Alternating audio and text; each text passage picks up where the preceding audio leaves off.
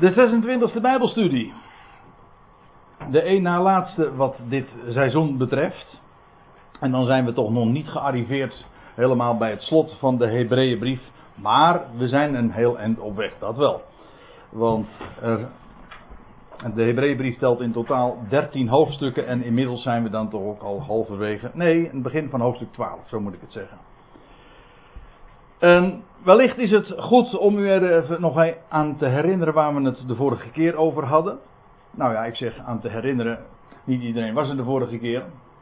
Dus dan is het sowieso wel nuttig waar we het over gehad hebben. We hebben het slot van Hebreeën 11, het beroemde, het bekende Hebreeën 11 met elkaar besproken. Het hoofdstuk dat gaat over de vele geloofsgetuigen die we treffen in het Oude Testament. Te beginnen bij, bij Abel, Noach, Henoch, Abraham, Sarah, Mozes. Nou ja, een hele rits. En dan worden er nog vele namen genoemd die verder niet worden toegelicht. En dan sluit de, het elfde hoofdstuk van de Hebreeënbrief daarmee af. En dan zien we aan, bij het begin van hoofdstuk 12 dat dan de, de grootste getuige van geloof wordt opgevoerd. En dat kon eigenlijk ook niet missen.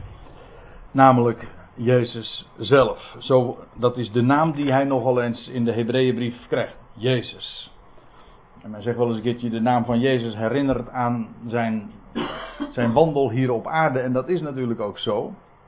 Maar het is dan toch wel opmerkelijk dat juist de Hebreeënbrief heel dikwijls juist wijst op de naam Jezus.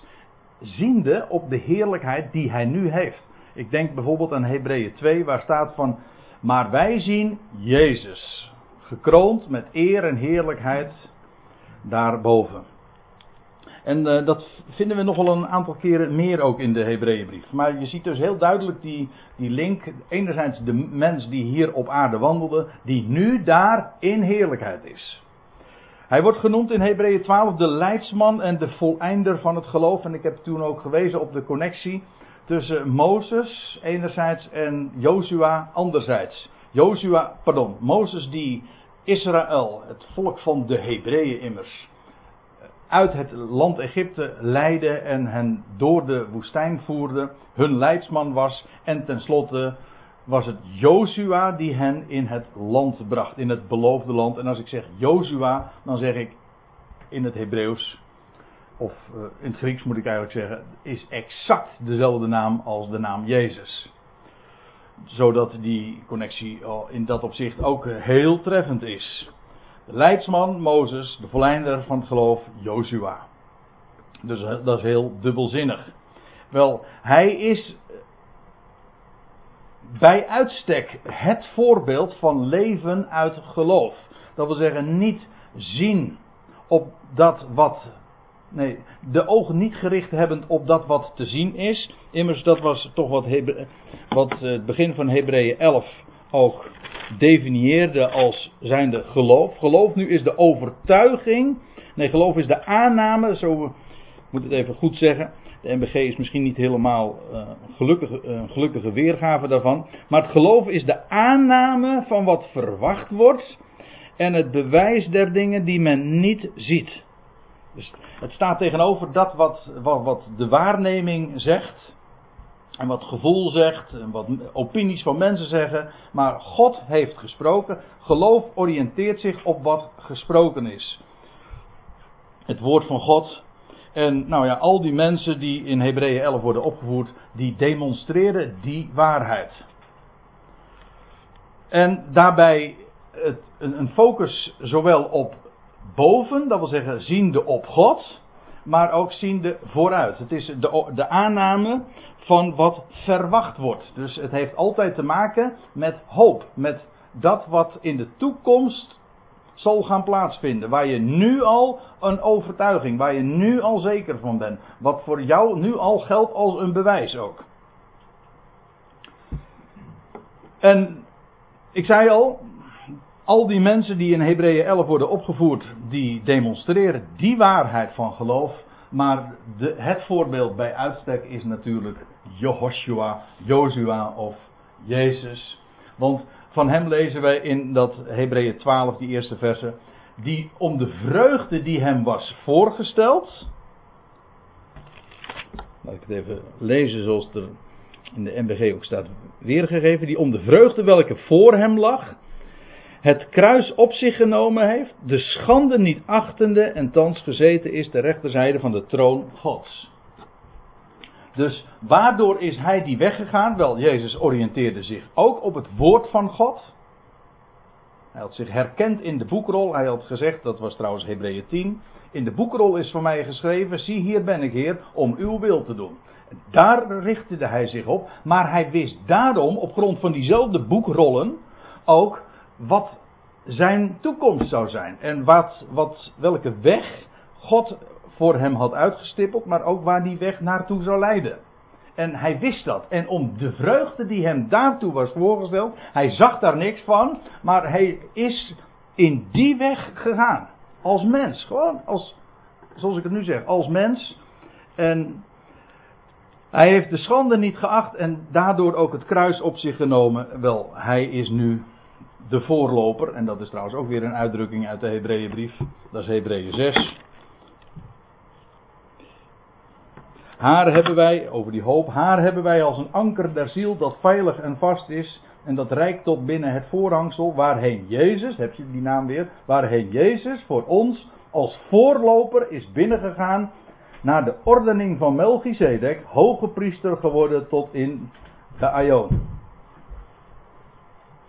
Hier weer die naam Jezus, die daar nu is binnen het, binnen het voorhangsel, in het heiligdom als de koning-priester naar de ordening van Melchizedek. Maar goed, daar hebben we het uitgebreid over gehad. Hier wordt het zijn naam opgevoerd omdat hij, die man, is de, het ultieme voorbeeld van iemand die leefde uit geloof. En die thans ook de, het eindstation daarin bereikt heeft. Of in ieder geval een station uh, waar wij uh, nog niet zijn. Althans, naar het lichaam niet. Nou, dat even wat uh, de vorige keer betreft. En dan stel ik voor dat we nu de draad oppakken bij vers 3. Althans, ik lees het vers nog even. We hebben het al gelezen en besproken, maar dan lees ik nu nog voor. Vestigt uw aandacht dan op hem. Dat is een waarheid die, die diverse keren in de Hebreeënbrief nogal duidelijk naar voren gebracht wordt. Aanschouwt dan deze, staat er dan in Hebreeën 7. En hier vestigt uw aandacht dan op hem, die zulk een tegenspraak van de zondaren.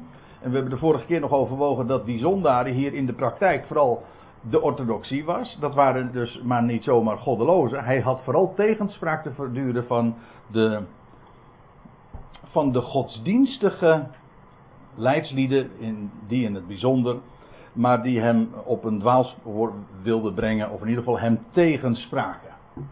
En uiteindelijk hebben die hem ook aan het kruis gebracht.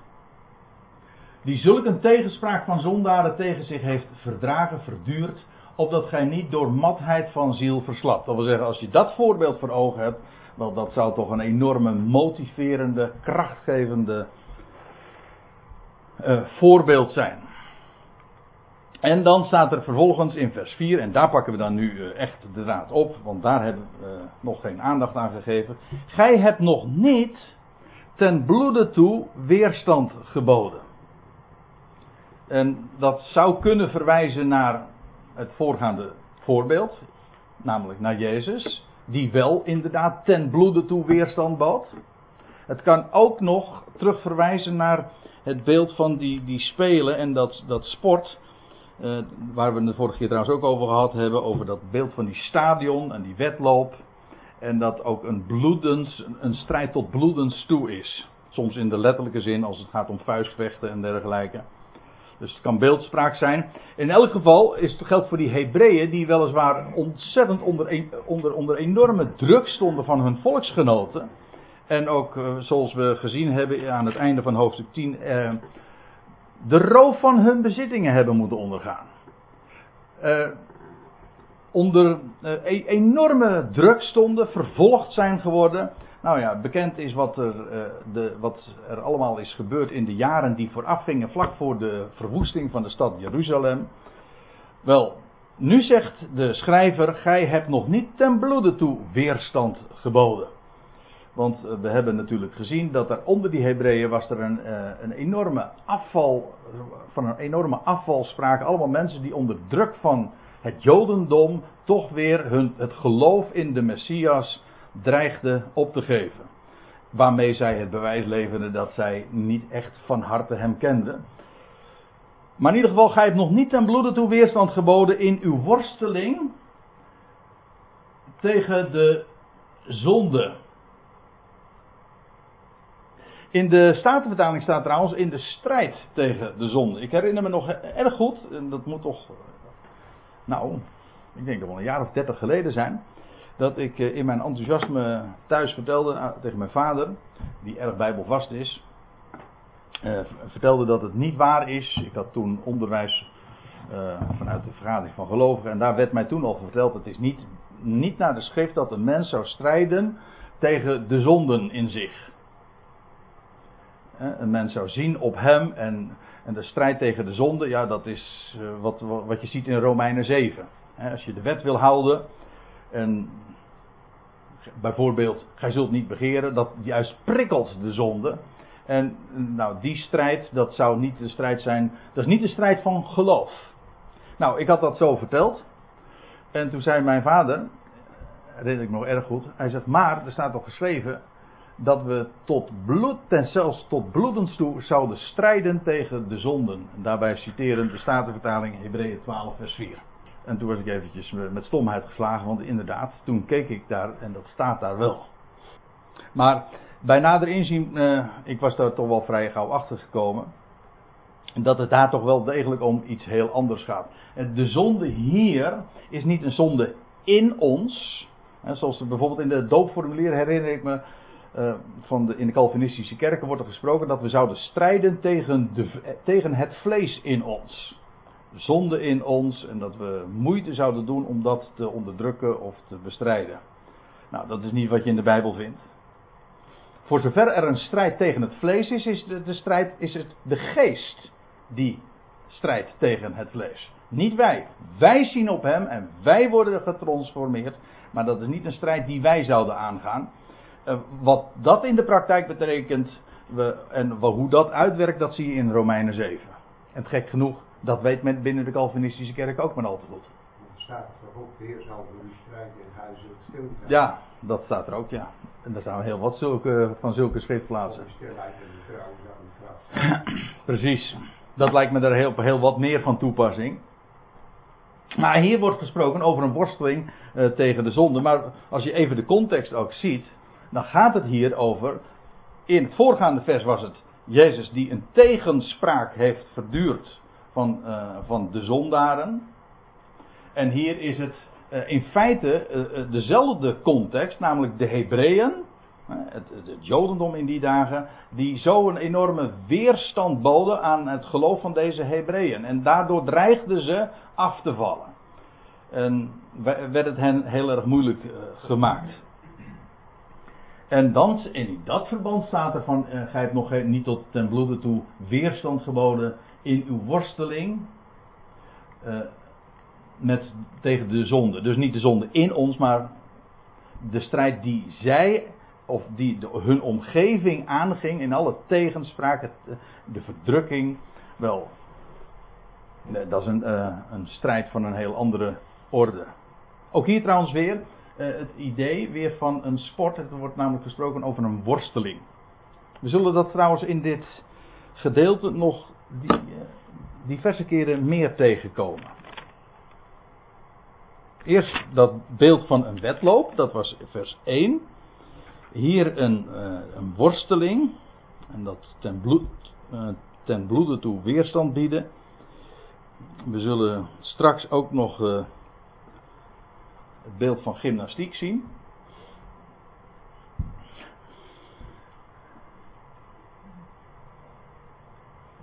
Maar goed, we gaan even verder naar vers 5. En jullie hebben nog niet dus ten bloede toe weerstand geboden in uw worsteling tegen de zonde. En gij hebt de vermaning, hier staat in het Grieks dat woordje naast roepen, parakaleo. Wat elders trouwens weergegeven wordt met vertroosten. Het is in ieder geval niet dit idee. Het, is, het betekent iemand erbij roepen, naast roepen, bemoedigen, oproepen. Jullie hebben, want kijk, als je het, eh, het idee hebt zoals dat hier wordt weergegeven, jullie hebben de vermaning vergeten. Dat geeft een heel ander uh, idee dan wanneer jullie hebben de oproep of jullie hebben de bemoediging uh, vergeten. Is het, is nou een vermaning, een waarschuwing of is het juist een bemoediging die ze zijn vergeten? En ik denk het laatste, ik zal dat ook. ik wil dat ook graag laten zien, want dan lees je vervolgens. Die bemoediging die luidt die tot u als zonen spreekt. Het woord wordt, wat hier trouwens gebruikt wordt met, voor spreken, dat is argumenteren. Dus uh, ook hier weer het idee van er, er, is sprake van tegenspraak, een wisseling van woorden. En er wordt hier echt een, een argument neergelegd. Die tot u als zonen zegt, of spreekt, of argumenteert. Mijn zoon. En dat is een citaat uit, de, uit het boek Spreuken. Ja, ik ben vergeten de verwijzing erbij te plaatsen, maar het staat in Spreuken 3, vers 11 en 12. Uh, eh, mijn zoon acht de tuchtiging van de Heer niet gering. Uh, veronachtzaam dat niet. Die tuchtiging trouwens, dat woord uh, dat in de concurrent version wordt het weergegeven met discipline. En, of discipline. Het leuke trouwens van dat woord is dat het is afgeleid van een woord dat uh, raken betekent. Niet zozeer, ja, men heeft ook wel gezegd slaan. Maar dat, uh, het, woord wordt namelijk weergegeven ook uh, in een andere context. Het, het, is als stam heeft het diverse toepassingen. Opvoeden bijvoorbeeld, dat is ditzelfde woord. Bijvoorbeeld in Efeze 6, dan wordt er gesproken over dat de vaders hun kinderen zouden opvoeden. Dan gaat het over datzelfde stamwoord. Opvoeden. Maar het idee is daarbij eh, niet zozeer van, eh, van, van slaan, maar wel raken. Je kind ook raken. Dat, dat kan uiteraard ook fysiek zijn, dat, uh, daar heb ik het nu even niet over. Maar het gaat er eventjes om. Eh, dat disciplineren, dat is raken. En dat ook inderdaad de, de betekenis heeft van pijn. Het, het pijnlijk raken. We zullen dat vanzelf in deze verse ook zien. In de hele context waarin de schrijver dit naar voren brengt, is juist ook dat van, van verdrukking en van weerstand en van moeite en van verdrukking en waardoor een mens geraakt wordt, al of niet fysiek waardoor je pijn ook ondergaat. Maar dat is louter positief. Dat is wat de schrijver in deze komende versen ook naar voren gaat brengen. En daarom zouden we het ook niet verachten. Het mag dan een pijnlijke ervaring zijn, maar niettemin, uh, je zou het niet gering achten en verslap ook niet. Dat wil zeggen, bezwijk daar niet onder. Het woord is eigenlijk bezwijken inderdaad.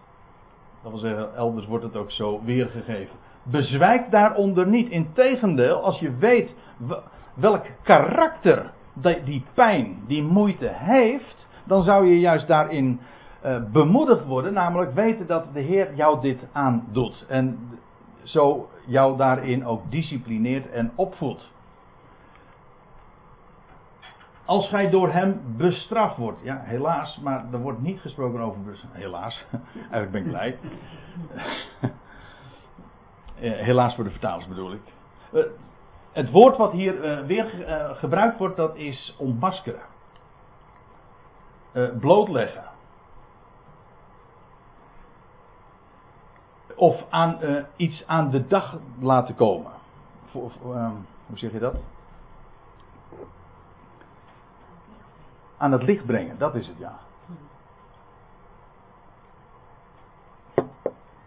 Ik geef toe, daar kan een, uh, een functie in zitten of een kant aan zitten van bestraffen. Maar het idee is dat, dat, dat een mens gecorrigeerd wordt.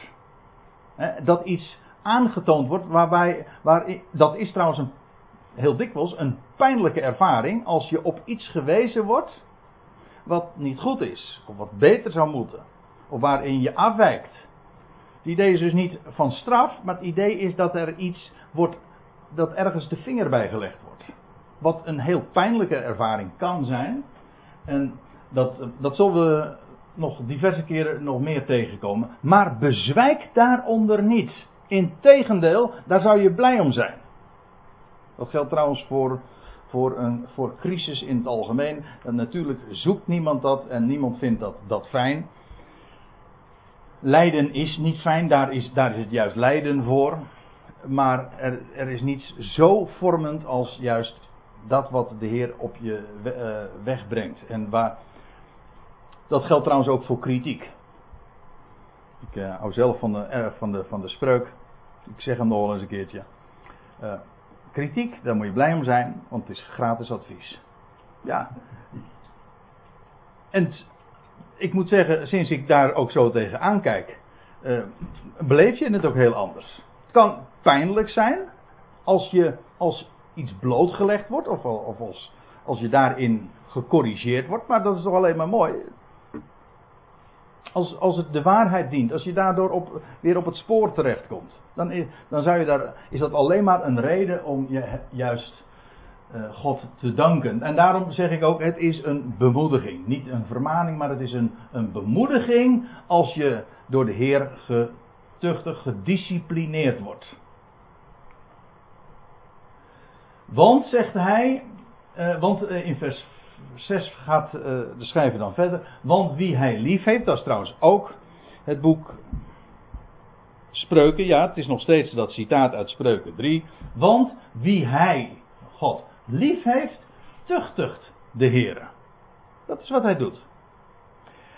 En hij kastijdt, en dit is een heel sterk woord. Want hier wordt het vertaald met kastijden. Maar het, uh, doorgaans is dit woord geestelen.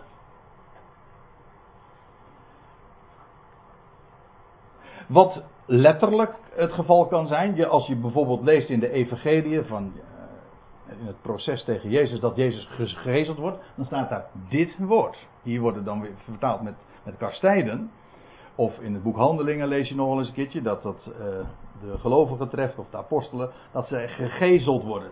Dit woord. Wat trouwens ook heel erg in de buurt komt dan weer bij de verdrukkingen die de Hebreeën hadden te ondergaan.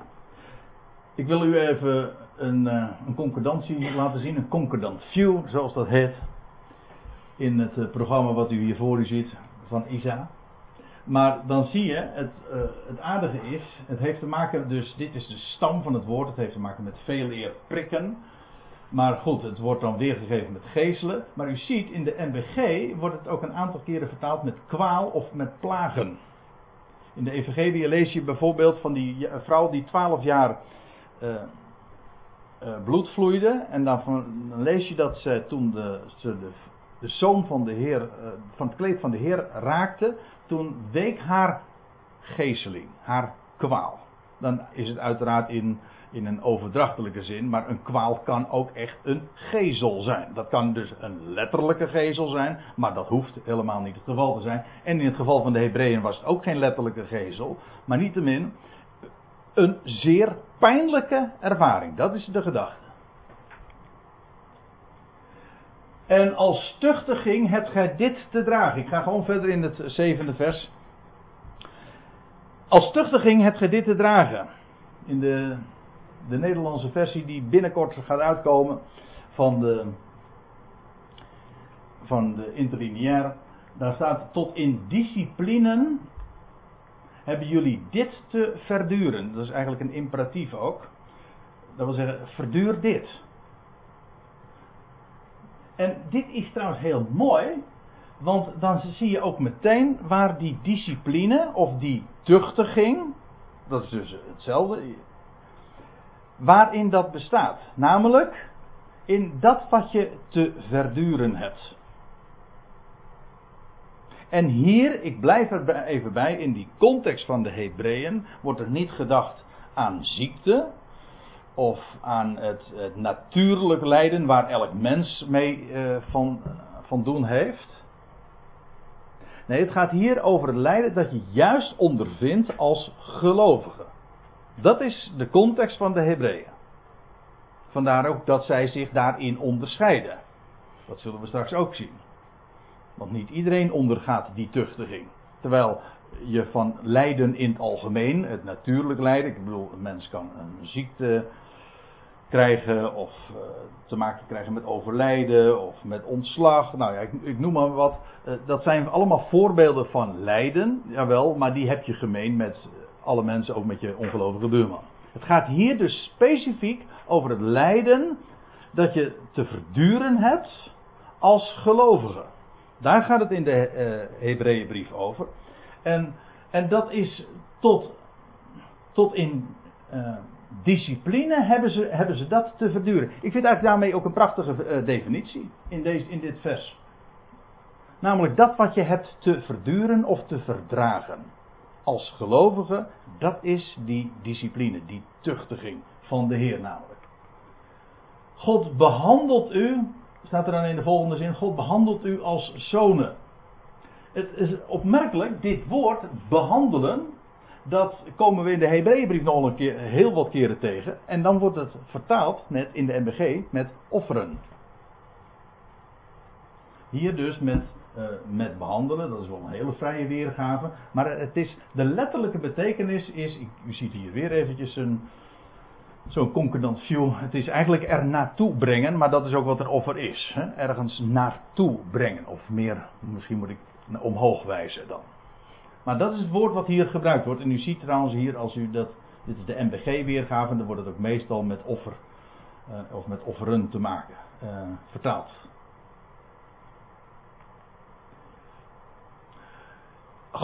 Waar het hier om gaat is. Die tuchtiging is een geweldige bemoediging. Dat mag dan pijnlijk zijn en als een gezel ervaren worden. En dat uh, legt een mens ook. Het corrigeert ook. Het legt bloot. Jawel, maar waarom is het zo geweldig? Wel, God uh, behandelt u daar, brengt u eigenlijk op, als, of brengt u er naartoe als een zoon. Want is er wel een zoon, staat er dan in vers 7. Want is er wel een zoon die door zijn vader niet getuchtigd wordt? Dat wil zeggen, een echte zoon, die wordt door zijn vader gedisciplineerd. En die, die brengt hem ook een, een, een, een, vader die zijn zoon lief heeft. Ja, zo staat het ook in, de, in het boek Spreuken. Vaak genoeg. Een vader die zijn zoon lief heeft, die tuchtigt hem ook. Dat wil zeggen, die brengt ook uh, moeite.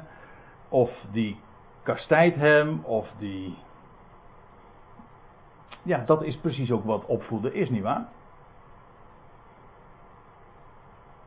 Dat is uh, waarbij het woord tucht dus een heel breed begrip is. Het heeft te maken met opvoeden, dat is onderwijs geven. Maar dat kan dus ook met, met pijnlijke consequenties zijn. Een kind bijvoorbeeld, je zoon, uh, zoon of dochter, maar het gaat hier vooral. Uh, wordt het altijd in de mannelijke vorm opgevoerd. confronteren met pijnlijke consequenties, dat is, bijvoorbeeld, dat is net zo goed opvoeden. Het is dus niet. Het idee is niet per definitie van dat van slaan. Ik weet wel, dat zit wel heel erg sterk in onze achterhoofd. Maar het idee van opvoeden is ook, en van tuchtiging, ook soms je kind, als het nodig is, op pijnlijke met de pijnlijke consequenties van iets confronteren. Ja, ik kan allerlei voorbeelden daarvan geven, maar u kunt zichzelf daarbij wel iets voorstellen. Wat zit jij te lachen? Jij ook. Jij... zijn onze eigen kinderen. Ja, precies, daar denk ik ook aan. Maar.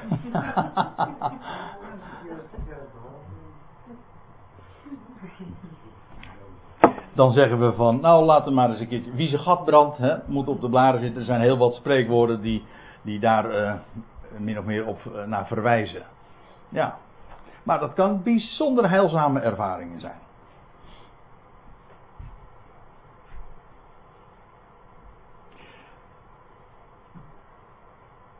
Ik, ik, ga verder in vers 8. Uh, blijft gij echter vrij van de tuchtiging. welke alle ondergaan hebben, of uh, waarvan wij alle partners geworden zijn, waar wij allemaal deel aan hebben gekregen van die, van die tuchtiging. Dat is wat de schrijver tegen die Hebreeën zegt. We hebben allemaal zo aan die tuchtiging, aan die verdrukking, aan die moeite, die tegenspraak en alles wat daarmee verband had, hebben we daar, zijn we daarmee geconfronteerd. We zijn er allemaal partners of deelhebbers van geworden. Wel, als je daar vrij van bent, als je daar niet mee te maken hebt, zegt, dan zegt de schrijver, dat betekent dat je bastaards bent. Oftewel, onechte zonen. Dat vind ik trouwens wel een mooi woord in dit geval. In het Nederlands. Onecht, dat is een beetje dubbelzinnig. Onecht betekent natuurlijk buiten de echt, buiten het huwelijk. Maar in dit geval is het ook een onechte zoon. Ben je geen echte zoon? Dan zegt hij bastaards geen zonen. Want een vader uh, die interesseert zich, die heeft zijn zoon lief. En die is ook bereid om hem, om, om hem met pijnlijke dingen te confronteren. Hoe moeilijk het ook voor die vader is. Want een vader of een moeder, die ziet dat niet graag. Nee, maar juist dat bewijst liefde. Als je onverschillig bent, dan laat je dat allemaal gaan.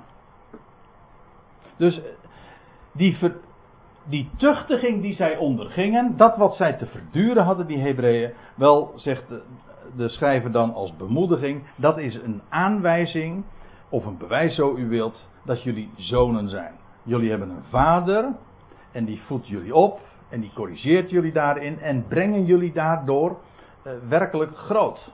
Voeden jullie, dat voedt jullie op.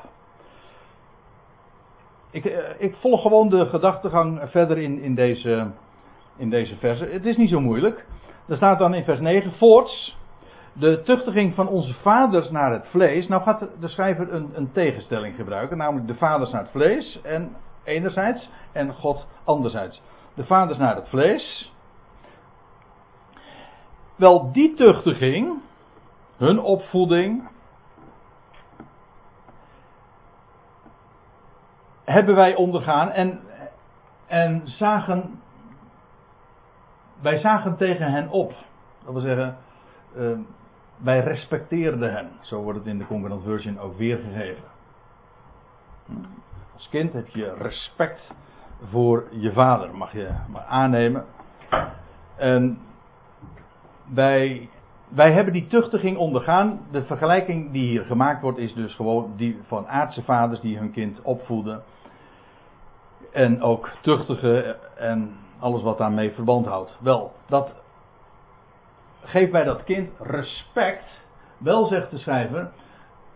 Hoeveel te meer zullen wij ons dan niet nog veel meer onderwerpen aan de Vader der Geesten? Dus hier is aan de ene kant de, wordt er gesproken over de vaders van het vlees en aan de andere kant over de Vader van de Geesten. Of, zo u wilt, dat is eigenlijk een beetje een, een bepaald soort idioom, de geestelijke Vader. Aan de ene kant de vaders van het vlees, aan de andere kant de vader van de geest. En degene die ons onze geest ook heeft voortgebracht.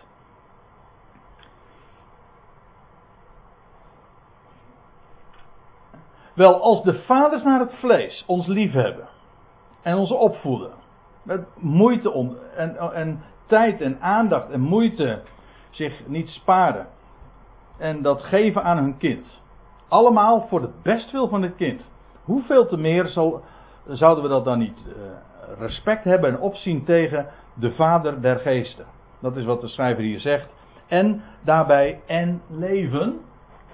Met een, eh, met een vraagteken, dat is een retorische vraag. Want juist dat is wat tot leven leidt. Waardoor je werkelijk een leven krijgt. Als je te maken hebt met een Heer die jou opvoedt, die zich die zich voor je inzet, maar die weet dat je juist ook door, door schade en schande, door moeite en pijn dingen leert.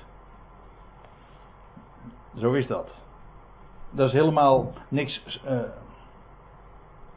daar zit helemaal niet het idee dus van straffen in, per definitie. Dat, zo gaat dat. Dat is wat opvoeden uh, is. En dat is in de geestelijke zin net zo het geval.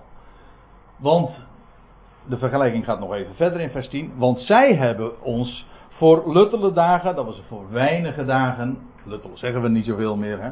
Maar zij hebben ons voor weinige dagen naar hun beste weten getuchtigd. Maar goed, een mens kan zich vergissen. En hoe, ga, hoe gemakkelijk ga je als vader ook niet de mist in? Ik, uh, ik weet waar ik het over heb. Ja, je maakt fouten. Je maakt inschattingsfouten. Je maakt beoordelingsfouten. En ja, dat zijn wij.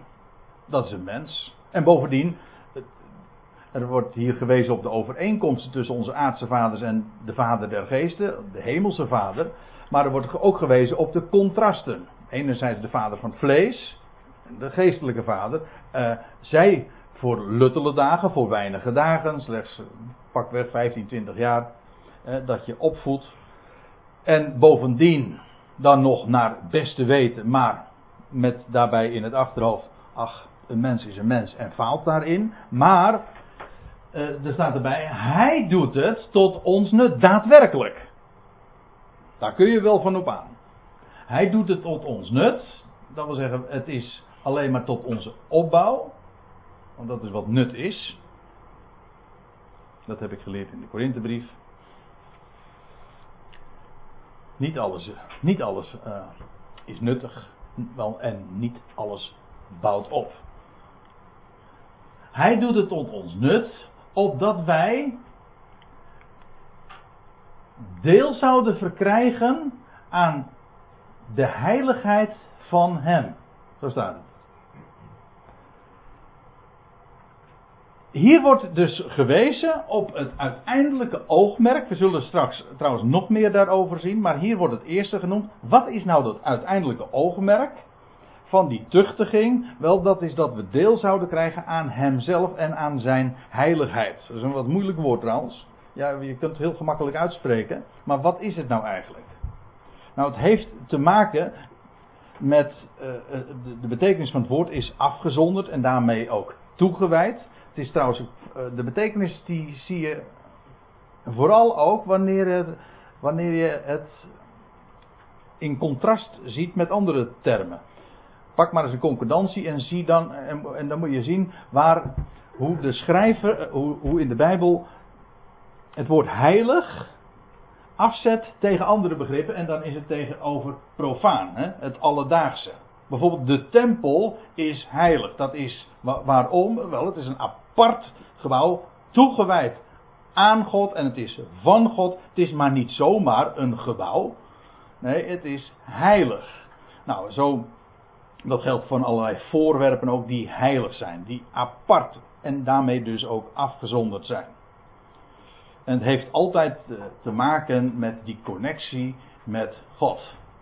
Hij die inderdaad afgezonderd is, apart is. En, en die verwijderd is uh, van het profane, van het alledaagse. Bij hem is niets profaan en alledaags. En we krijgen deel juist door dat lijden, door de moeite, maar ook meer, meer speciaal ook door de tegenstand vanuit de wereld, van onze omgeving. Juist daardoor krijgen, krijgen we deel, worden we partners van zijn heiligheid. Gewoon in de praktijk bedoel ik ook. Niet alleen maar als, in, als positie. Ik weet het. Op het moment dat je een mens gelooft, dan zijn wij volmaakt in hem. Dat is trouwens ook Hebreeën. Hoe was het ook alweer? Hebreeën 10.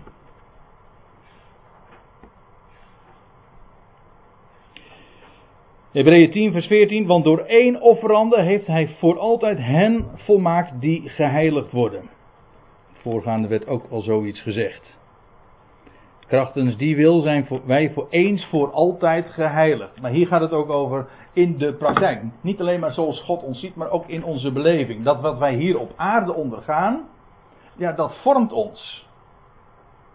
En tegenstand en verdrukking, dat vormt. En dat is wat de schrijver hier de Hebreeën voorhoudt en waar hij ze ook aan herinnert en waar hij hen mee bemoedigt. We krijgen daardoor deel aan hemzelf en zijn heerlijkheid, heiligheid. Nou, vers 11. Want alle tucht schijnt op het ogenblik zelf geen vreugde, maar smart te brengen. Nou, dat lijkt me ook duidelijk.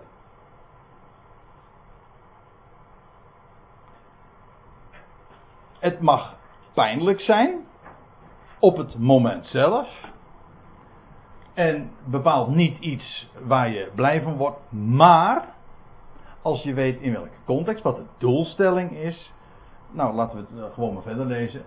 Maar later brengt zij hun die erdoor geoefend zijn, een vreedzame vrucht. Dat, hier het woord geoefend zijn, ik heb er al even op gewezen door het woord te noemen. Hier wordt een, een, een begrip gebruikt waar ons woord gymnastiek, gymnasium trouwens ook van afgeleid wordt.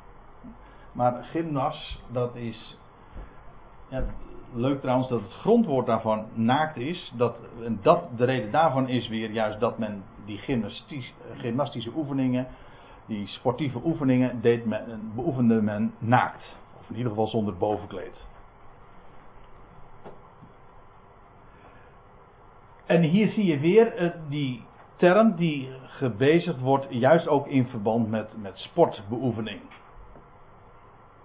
En in de sportbeoefening hebben we net zo goed te maken met pijn en met moeite en met zweten. Ja, laten we wel wezen, want het zijn twee hele aardige verbanden die hier in Hebreeën 12 zo genoemd worden. Aan de ene kant is er sprake van opvoeding. Dus de metafoor van zoals, een, zoals ouders hun kinderen opvoeden. Met de moeite en de pijn die dat ook met zich mee kan brengen. Maar die er juist bij hoort. Voor, en nodig is voor de vorming. Maar in de sport zien we exact hetzelfde fenomeen. Want om tot prestaties te komen. Ja, dan moet je van een heleboel dingen afzien. En als ik dit woord gebruik dan uh, ben ik eigenlijk weer terug bij vers 1 of vers, vers 2. Nee, vers 2 van, deze, van dit hoofdstuk, Hebreeën 12. Laat ons oog daarbij alleen gericht zijn op Jezus. En ik heb u er toen ook op gewezen, dat staat, in het Nederlands is het een hele zin, maar in het Grieks is het één woord, er staat letterlijk afziende van. En alleen, helemaal gefocust op één ding, dat is wat sport toch is. Men zegt sport, dat is afzien. Dat is een prachtig woord trouwens. Maar juist ook in verband met de weg van geloof gaan. Je ziet dat hier in de Hebreeënbrief. Je ziet het ook elders in, in de brieven van Paulus. In Korinthe 10, in Filippenzen 3. En uh, diverse andere passages. Ook in de Timotheusbrief noemde hij het. Dat beeld van, van sport. Maar daar gaat het ook om afzien. En het idee is daarbij vooral die mentale gesteldheid afzien van alles om je heen. Want dat, dat brengt je alleen maar van de wijs. En gefocust zijn op één ding. In feite is dat laatste juist ook de sleutel en ook het geheim. Als je weet waarvoor je het doet. Dat ene doel voor ogen hebbend. Dan zie je dus, als je alleen dat ziet, dan zie je dat al dat andere niet meer. Dat is het geheim. Dat is totale focus op. Maar dat betekent, in, positief gezegd, gezegd, geformuleerd, is het dus, je ziet alleen hem. Negatief gezegd is, je ziet al het andere niet. Is het is dus met recht ook afzien. En ook, dat heeft ook bij ons in uh, de, de betekenis van nou iets afzien. Dat heeft ook, dat heeft de klank van, van moeite, van zweet, van uh, ja, tegenstand en allerlei dingen je ook ontzeggen. Want die moeten, dat moet een sporter per slotverrekening ook. Om namelijk bij dat doel te komen. Dat is allemaal oefening. En feitelijk wat hier gezegd wordt, we zijn in het gymnasium van God. De leerschool van Hem. Daar oefent Hij ons. En dat is op het moment zelf niet altijd leuk. Of altijd niet leuk. Ik weet niet hoe ik het moet zeggen. Maar in elk geval, het heeft alleen maar een positief doel. Houd dat vooral in ogenschouw. Doch later brengt zij hun die erdoor geoefend zijn, dus dat woord wordt dan, dan gebezigd, een vreedzame vrucht. Een vrucht van vrede. Ja, nee, het is inderdaad vreedzaam. Een vreedzame vrucht. Het geeft vrede. Ook tevredenheid. Je bent daar blij mee. Aanvankelijk was het misschien dat je dat, uh, je vraagtekens daarover had. en je, het gaf geen vreugde, maar naderhand ben je er alleen maar blij mee en geeft het vrede. En ben je er blij mee dat je het hebt mogen ondergaan, want het heeft je zo gevormd. En ik, heb, ik, ik kan daar zoveel voorbeelden, nou niet zozeer van geven, want dat, ik, vergeet dat, dat soort dingen vaak. Maar ik heb er zoveel voorbeelden van gehoord en, en u jij wellicht ook.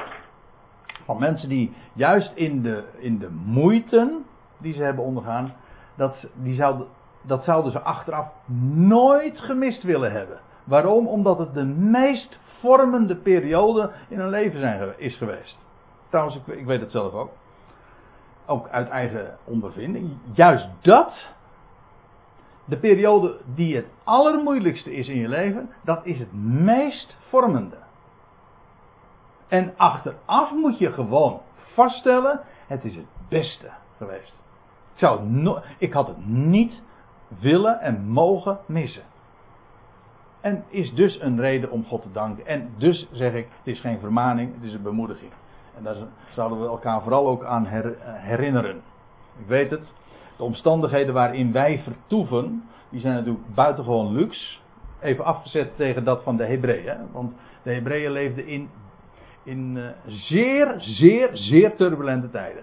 En zou maar binnen afzienbare tijd zou de stad Jeruzalem in vlammen opgaan en de, en de tempel met de grond gelijk gemaakt worden. De jaren die daaraan vooraf gingen uh, zijn jaren geweest van, van een enorme strijd, van een gigantisch bloedbad ook. Nou, in die omstandigheden bevonden zij zich. Druk van, gigantische druk van hun volksgenoten. Wel, in die zin kunnen wij. Uh, kan ik niet zeggen van dat wat hier op, in Hebreeën 12 staat, is direct op ons van toepassing, want wij bevinden ons niet in die omstandigheden. Wij zijn geen Hebreeën. Ik heb er altijd, al die 26, 25 voorgaande studies heb ik er al zo vaak op gewezen.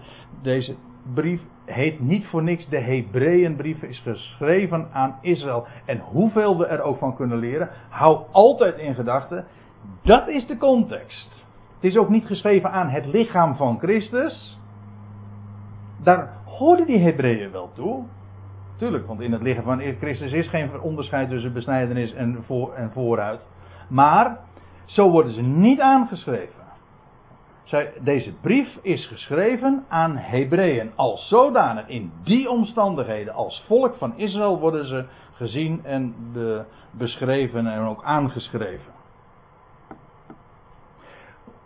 Enfin, uh, het is die oefening, die pijn, die moeite, die tuchtiging, die opvoeding, dat resulteert uiteindelijk in een vrucht van vrede, een vreedzame vrucht eh, die bestaat in gerechtigheid. Of eh, het geeft af, het brengt op of het eh, resulteert in rechtvaardigheid. Vrede aan de ene kant en gerechtigheid aan de andere kant.